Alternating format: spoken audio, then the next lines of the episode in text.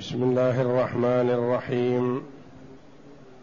الحمد لله رب العالمين. والصلاة والسلام على نبينا محمد وعلى آله وصحبه أجمعين. وبعد. بسم الله. أعوذ بالله من الشيطان الرجيم. لقد كان لسبأ في مسكنهم آية جنتان عن يمين وشمال. كلوا من رزق ربكم واشكروا له بلدة طيبة ورب غفور. فأعرضوا فأرسلنا عليهم سيل العرم وبدلناهم بجنتيهم جنتين. وبدلناهم بجنتيهم جنتين ذواتي أكل خمط وأثل وأثل وشيء من سدر قليل. ذلك جزيناهم بما كفروا وهل نجازي إلا الكفور. هذه الآيات الكريمة من سورة سبأ. عظة وعبرة وآية للتذكير والتخويف من عدم شكر نعمة الله جل وعلا. فبعدما ذكر جل وعلا من شكر نعمته التي تفضل بها عليهما وهما داود وسليمان عليهما الصلاة والسلام. ذكر جل وعلا في هذه الآيات عاقبة كفران النعمة وأن نعم الله تدوم على العبد بشكرها. وتضمحل وتزول وتسلب منه بكفران النعمة.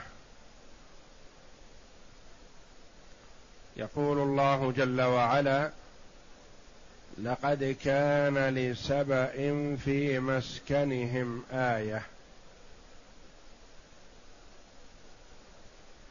جنتان عن يمين وشمال. كلوا من رزق ربكم واشكروا له. بلدة طيبة ورب غفور. لقد كان لسبع اللام هنا موطئة لقسم مقدر. وقد هذه للتحقيق. قد كان لسبأ وسبأ اسم لمجموعة من أهل اليمن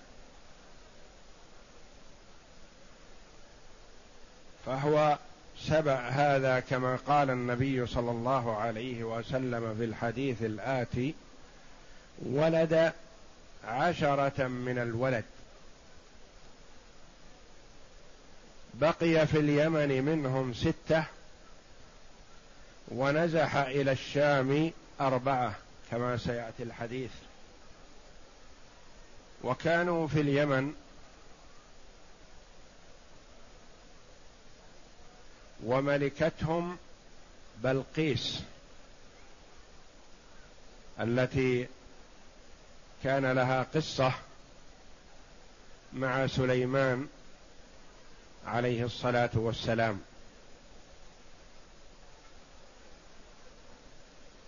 كانت ملكتهم وكانوا في رغد من العيش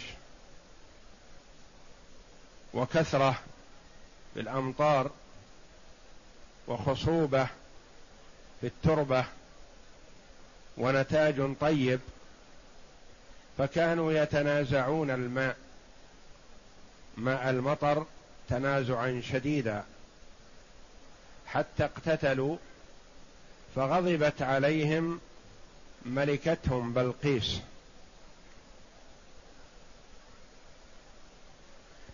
وأبعدت عنهم وتركت مساكنها.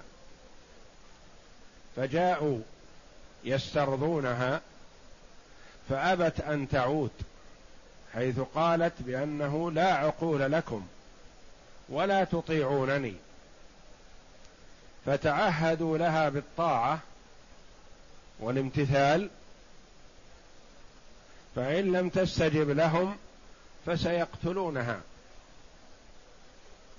فاستجابت لهم وعادت إليهم واشترطت عليهم الطاعة. ثم أمرت ببناء سد عظيم بين جبلين. وهذا الوادي تجتمع فيه أمطار وسيول كثيرة في من مناطق متعددة. ومنفذها بين هذين الجبلين.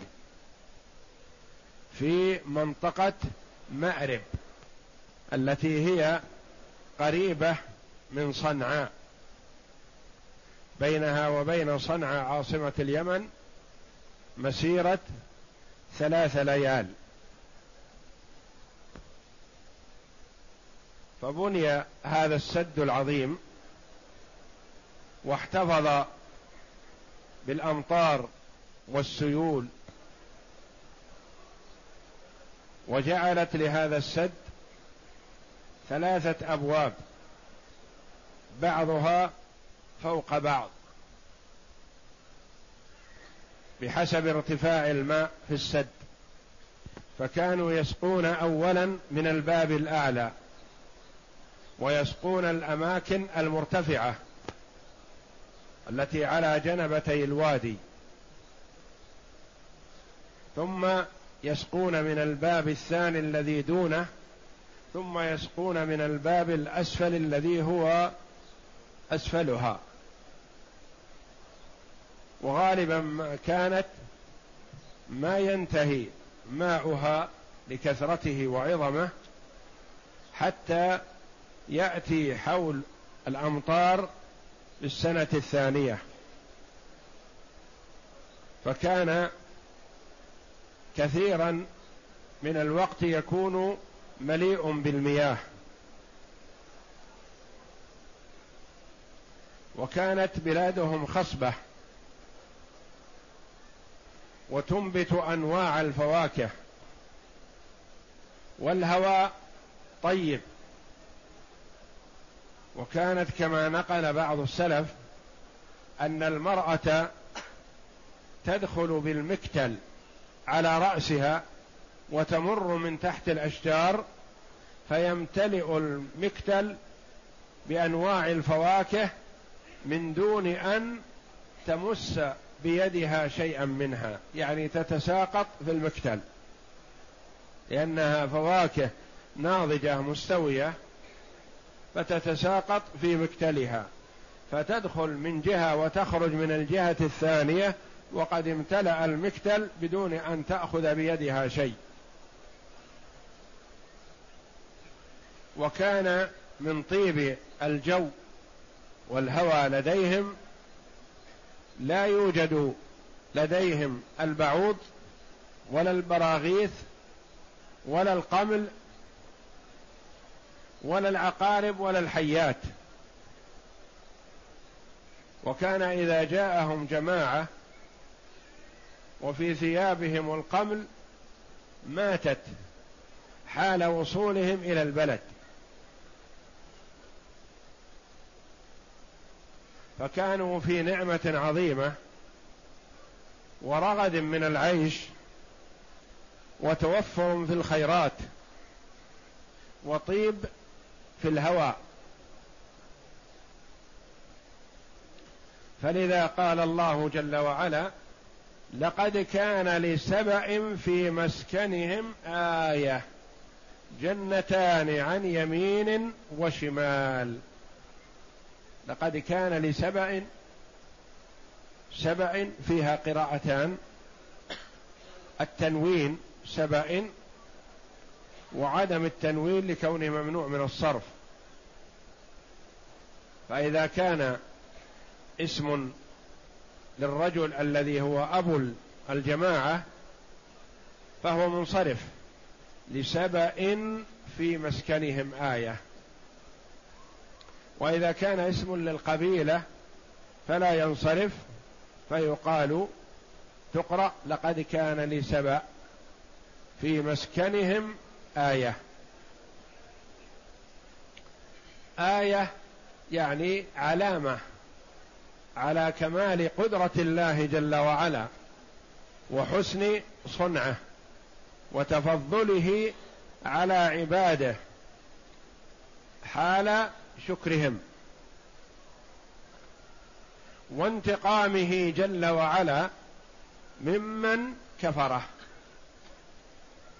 فالآية العلامة على كمال قدرة الله جل وعلا في حال الشكر كيف ينعم وفي حال كفران النعمة كيف ينتقم.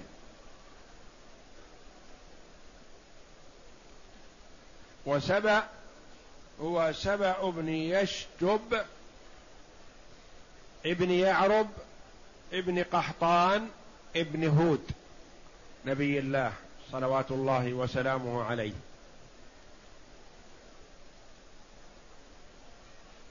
ومما يدل على أنه سبأ اسم للأب قوله جل وعلا لقد كان لسبأ في مسكنهم للجماعة من الرجال. ولو كان المراد بهم القبيلة لقال لقد كان لسبأ في مسكنها تأنيث الضمير.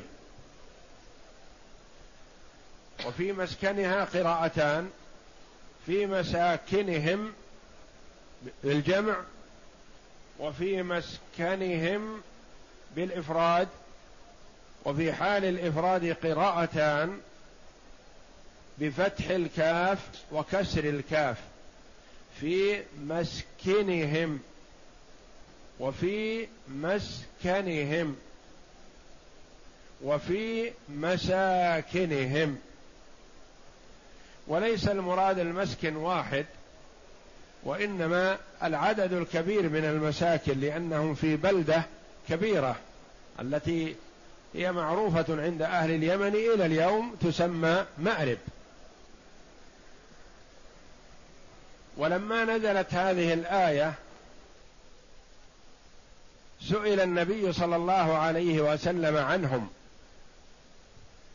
فقد أخرج أحمد والبخاري والترمذي وحسنه والحاكم وصححه وغيرهم عن فروة بن مسيك المرادي قال أتيت النبي صلى الله عليه وسلم فقلت يا رسول الله ألا أقاتل من أدبر من قومي بمن أقبل منهم؟ فأذن لي في قتالهم وأمرني فلما خرجت من عنده أرسل في إثري فردني فقال ادعوا القوم فمن أسلم منهم فاقبل منه ومن لم يسلم فلا تعجل حتى أحدث إليك. يعني لا تعجل بالقتال وهذه السورة كما هو معروف مكي مكية نزلت على الرسول بمكة قبل أن يؤمر بالقتال صلوات الله وسلامه عليه. وأنزل في سبأ ما أنزل. فقال رجل يا رسول الله وما سبأ؟ أرض أم امرأة؟ قال ليس بأرض ولا امرأة ولكنه رجل ولد عشرة من العرب فتيامن منهم ستة أي سكن اليمن منهم وتشاءم منهم أربعة أي سكن الشام منهم أربعة. فأما الذين تشاءموا فلخم وجذام وغسان وعاملة. وأما الذين تيامنوا فالأزد والأشعريون وحمير وكندة ومذحج وأنمار. فقال رجل يا رسول الله وما أنمار؟ قال الذي منهم خثعم وبجيلة قبائل من اليمن.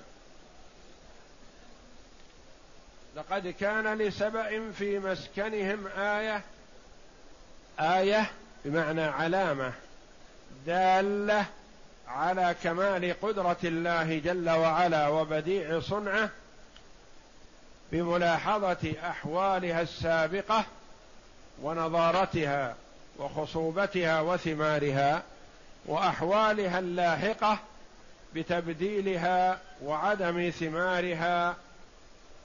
فقال جل وعلا جنتان. آية هذه الآية جنتان. جنة عن يمين وجنة عن شمال. عن يمين وشمال يعني عن يمين الوادي أو شمال الوادي وقال بعض المفسرين عن يمين الذاهب إلى الوادي وعن شمال الذاهب إلى الوادي. يعني كانت الجنتان متصلة.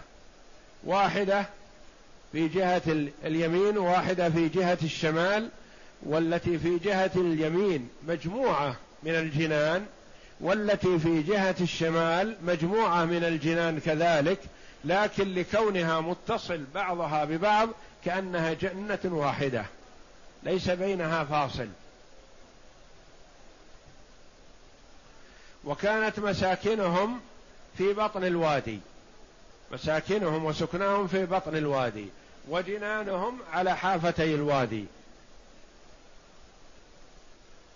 قال عبد الرحمن بن زيد رحمه الله إن الآية التي كانت لأهل سبأ في مساكنهم أنهم لم يروا فيها بعوضة ولا ذبابا ولا برغوثا ولا قملة ولا عقربا ولا حية ولا غير ذلك من الهوام. كل الهوام ما توجد عندهم لطيب الهواء. وإذا جاءهم الركب في ثيابهم القمل ماتت عند رؤيتهم لبيوتهم يعني إذا وصلوا بيوت سبأ ماتت القمل التي في ثياب الآخرين. قال القشيري رحمه الله لم يرد جنتين بل أراد من الجهتين يمنة ويسرة. في كل جهة بساتين كثيرة وأشجار وثمار تستر الناس بظلالها. يعني تسمى الجنة جنة لأنها تستر. لأن المرأة إذا دخل فيها سترته بأشجارها وغصونها وخضر وما فيها من الزهور والثمار. كلوا من رزق ربكم واشكروا له. هذا الأمر يسميه العلماء رحمهم الله أمر الإباحة. يعني أمر ما في وجوب يجب أن يأكلوا وإنما هذا الأمر أمر إباحة كأنه قيل لهم استمتعوا بما اعطاكم الله. وقيل قالت لهم الرسل ذلك رسلهم التي أرسل الله جل وعلا إليهم يروى أنه أرسل إليهم ثلاثة عشر رسولا. متعاقبون. كلوا من رزق ربكم. الرزق هذا الذي في الجنتين وما ينزله الله جل وعلا من المطر عليهم وما يجريه من الأودية. كلوا من رزق ربكم واشكروا له. استمتعوا بنعمة الله واحمدوا الله واعبدوا الله من شكر الله جل وعلا القيام بحقه جل وعلا في العبادة لأن الله جل وعلا ما خلق الخلق ليأكلوا ويشربوا وإنما خلقهم ليعبدوه. فإذا قاموا بهذا الحق لله جل وعلا رزقهم الله وتكفل بما يحتاجونه. واشكروا له على ما رزقكم من هذه النعم واعملوا بطاعته واجتنبوا معصيته. يعني أنتم في نعمة. رزق كثير وبلدة طيبة ورب غفور. ما عليكم إلا أن تقوموا بعبادة الله جل وعلا. والله جل وعلا في آيات عظيمة من القرآن يعد عباده بالشكر تدوم النعم وبالكفران تسلب. كما قال الله جل وعلا في سورة إبراهيم وإذ تأذن ربكم لئن شكرتم لأزيدنكم ولئن كفرتم إن عذابي لشديد. وقال جل وعلا في سورة المائدة ولو أن أهل الكتاب آمنوا واتقوا لكفرنا عنهم سيئاتهم ولأدخلناهم جن ولأدخلناهم جنات النعيم. ولو أنهم أقاموا التوراة والإنجيل وما أنزل إليهم من ربهم لأكلوا من فوقهم ومن تحت أرجلهم منهم أمة مقتصدة وكثير منهم ساء ما يعملون. ولو أنهم أقاموا التوراة والإنجيل وما أنزل إليهم من ربهم لأكلوا من فوقهم ومن تحت أرجلهم من فوقهم مما ينزل من السماء ومن تحت أرجلهم مما تنبت الأرض. وكقوله جل وعلا في سورة الأعراف ولو أن أهل القرى آمنوا واتقوا لفتحنا عليهم بركات من السماء والأرض ولكن كذبوا فأخذناهم بما كانوا يكسبون. فهذه الآيات الكريمة وغيرها من آيات القرآن تحث العباد على شكر النعمة والقيام بحق الله جل وعلا. والله تكفل بالرزق. وما خلقت الجن والإنس إلا ليعبدون. ما أريد منهم من رزق وما أريد أن يطعمون. إن الله هو الرزاق ذو القوة المتين. الرزق تكفل الله جل وعلا به. وفي هذه الآية يقول جل وعلا كلوا من رزق ربكم واشكروا له على هذه النعمة. بلدة طيبة.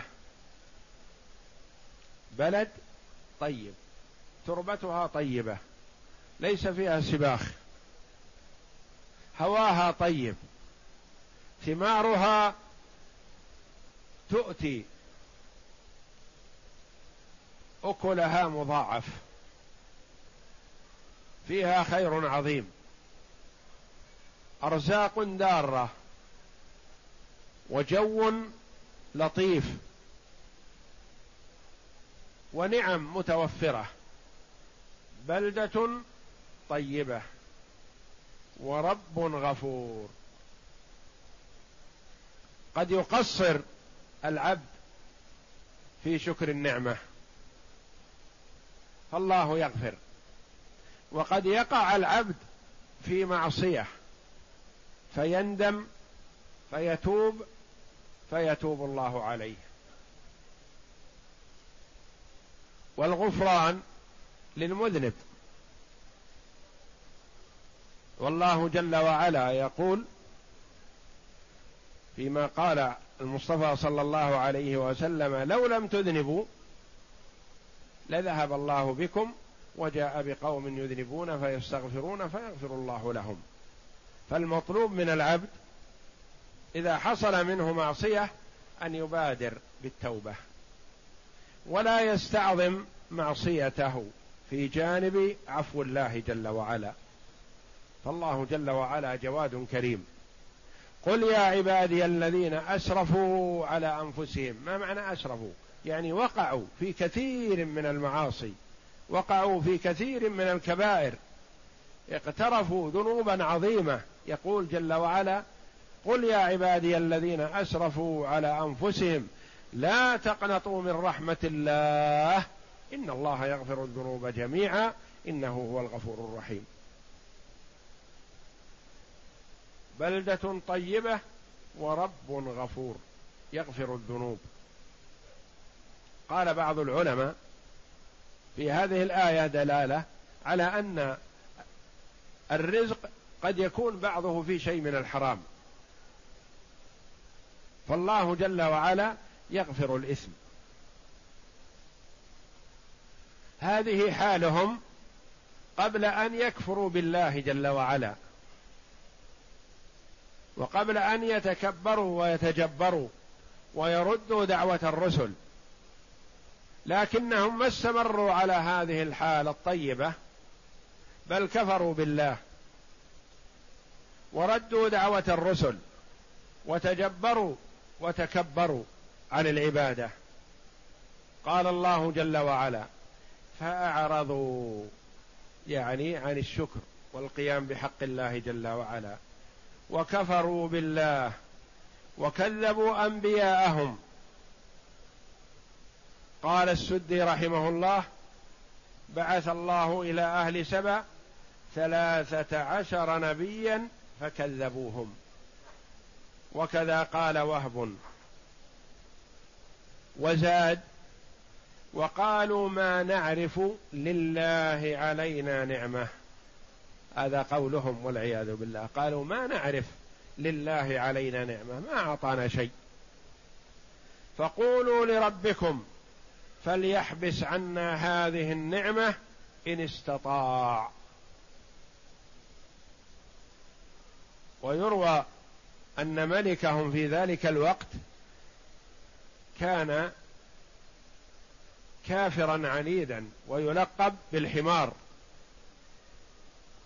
ومات له ولد في سن الشباب فرفع رأسه إلى السماء وبصق في اتجاه السماء. وكان يعترض من مر به فإن وجده كافرا تركه وإن وجده مؤمنا دعاه إلى الكفر فإن استجاب وكفر بالله وإلا قتله. فلما وقع منهم ما وقع وكذبوا الرسل وأعرضوا عن طاعة الله ولم يشكروا الله وتجبروا الله وتجبروا على الله فالله جل وعلا يغار. لا أحد أغير من الله. وهو جل وعلا يمهل ولا يهمل. وإذا أخذ فأخذه أخذ عزيز مقتدر جل وعلا. ينتقم من عباده بالنعمة التي كانت لهم. فهو قادر جل وعلا أن يجعلها نعمة بطاعته وقادر أن يجعلها نقمة بمعصيته. ينتقم منهم بهذه النعمة التي أعطاهم يقلبها عليهم جل وعلا. ففرعون اللعين لما تجبر وتعاظم وتعاظم على الله وافتخر بالمياه جعل الله جل وعلا هلاكه بالمياه بالبحر. حينما قال وهذه الأنهار تجري من تحتي. وهؤلاء سبأ أهلكهم الله جل وعلا بمائهم هذا الذي هو كان نعمة مع طاعتهم لله.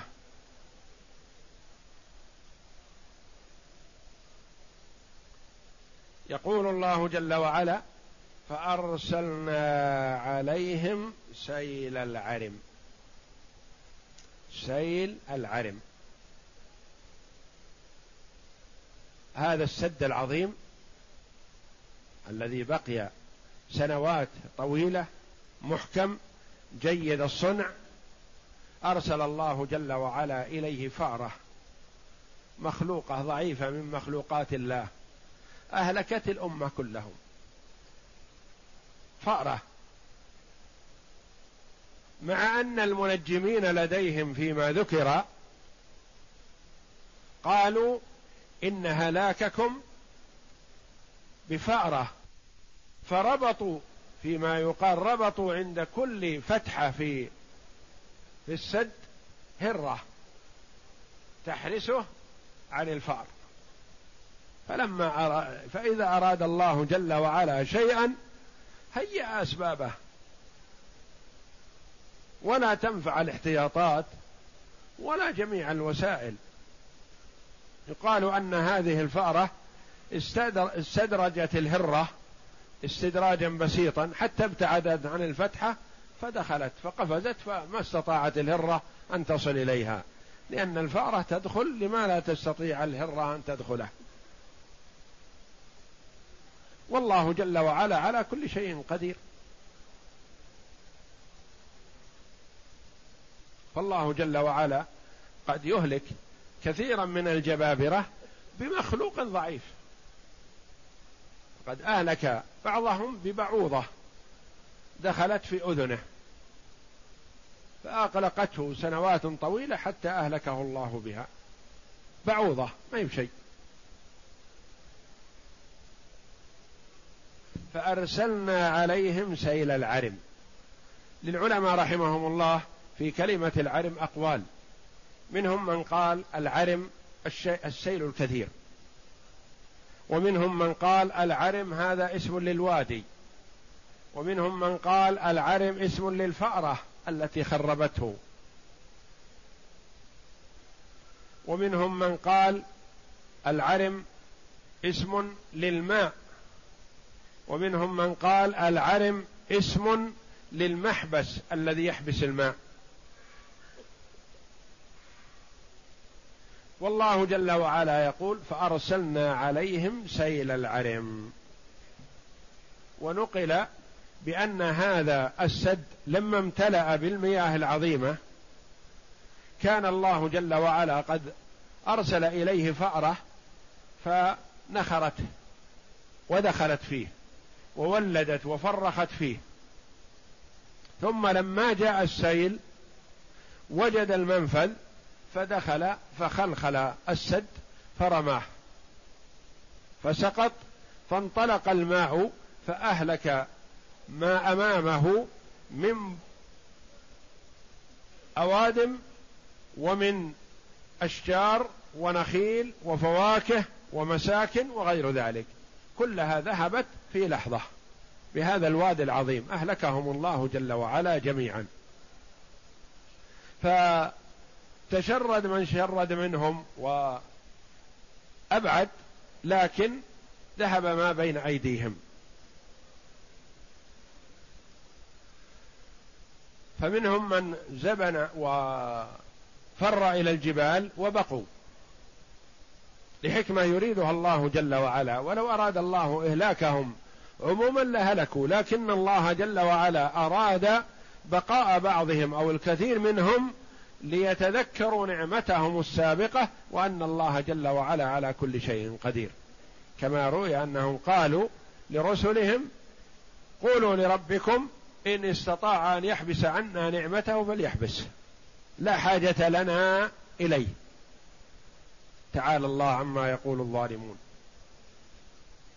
فقال الله جل وعلا وبدلناهم بجنتيهم جنتين.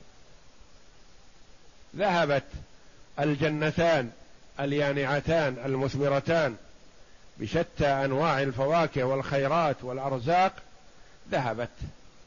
وبدلها الله جل وعلا بماذا؟ بجنتين على سبيل التهكم والسخرية بهم. وإلا ما أعطوا جنان وإنما أعطوا أشجارا شائكة غير مثمرة والعياذ بالله. وبدلناهم بجنتيهم جنتين. ذواتي أكل خمط وأثل وشيء من سدر قليل. ذواتي أكل خمط. ذواتي أكل خمط. بالإضافة والتنوين لأكل. ذواتي تثنية. ذات ذواتي. أكل خمط بتنوين اللام وعدم الإضافة. ذواتي أكل خمط. أكل خمط خمط بدل من أكل. أو صفة له. وما هو هذا؟ قيل هو شجر الأراك. لا فائدة فيه. وقيل هو شجر ذو شوك. مر المذاق.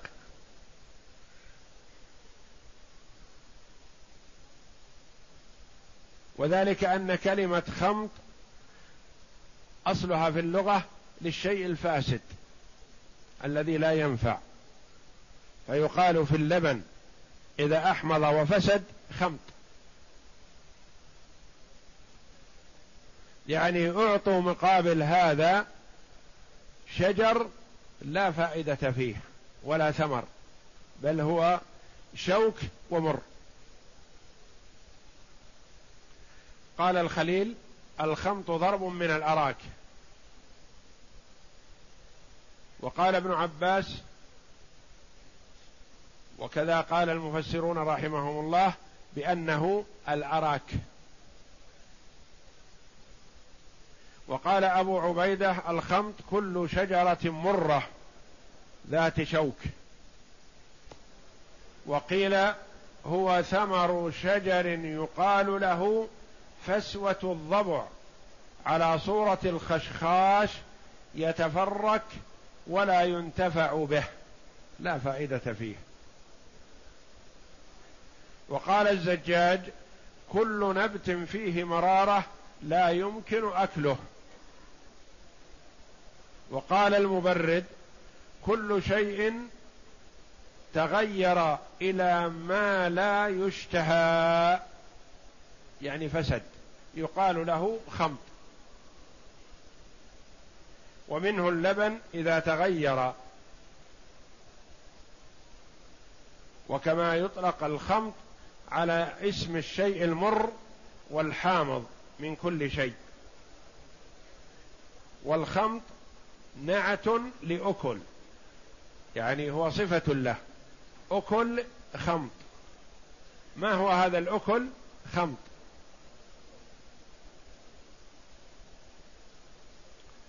أو بدل منه لأن الأكل هو الخمط بعينه. وليس المراد أنه شيء يؤكل وإنما هذا الخمط اسمه اسم من أسمائه أكل. أكل خمط وأثل. والأثل معروف. لما يعرفه يقال له يشبه الطرفاء إلا أنه أطول منه. وهو لا فائدة فيه إلا أنه خشب لكن لا يؤكل ولا يستفاد منه وليس فيه ثمر يؤكل.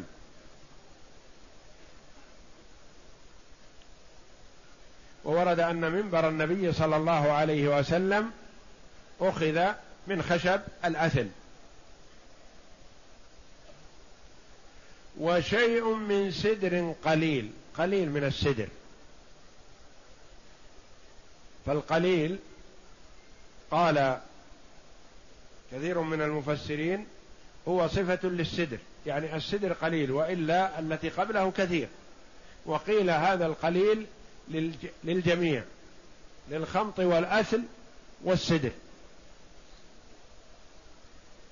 والسدر الشجر المعروف وله ثمر بعضه. السدر نوعان سدر بري ليس له ثمر ولا يستفاد منه ولا يستفاد منه في غسيل ولا غيره. وبلدي يسقى بالمياه بالأشجار بالحدائق هذا ورقه ينفع في الغسيل مثل الإشنان وينوب عن الصابون عند عدم وجوده. وله الثمر الذي هو النبك يؤكل. لكن هذا الذي عندهم ليس هو السدر البلدي الذي يستفاد منه وإنما هو السدر البري الذي لا فائدة فيه. ويقال للسدر البري النضال الضال. اسمه الضال وهو لا فائدة فيه.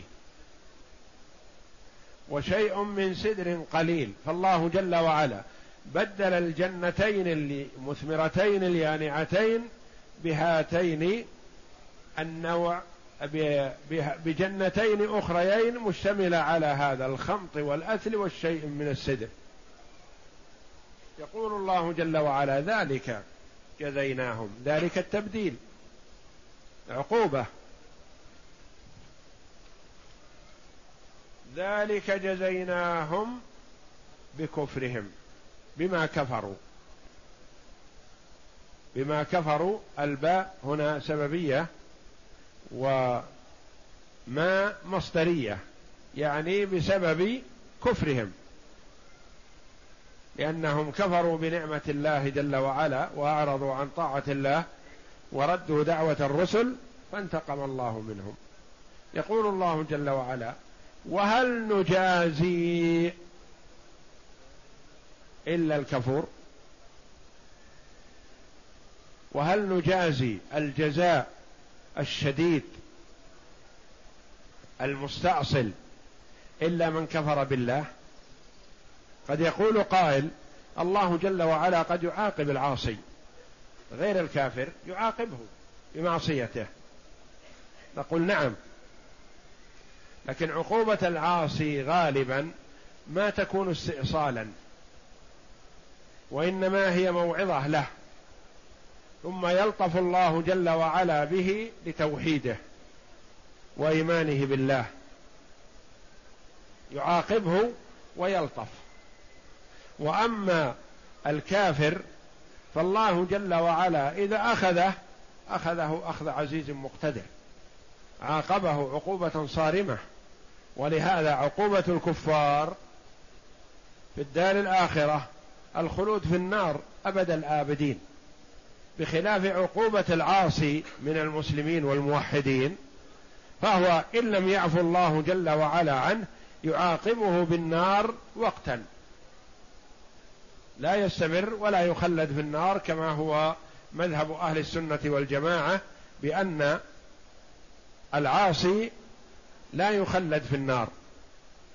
فهو تحت مشيئة الله جل وعلا في الدار الآخرة إن شاء عفى عنه وأدخله الجنة من أول مهله وإن شاء جل وعلا عذبه بالنار ثم أخرجه منها إلى الجنة.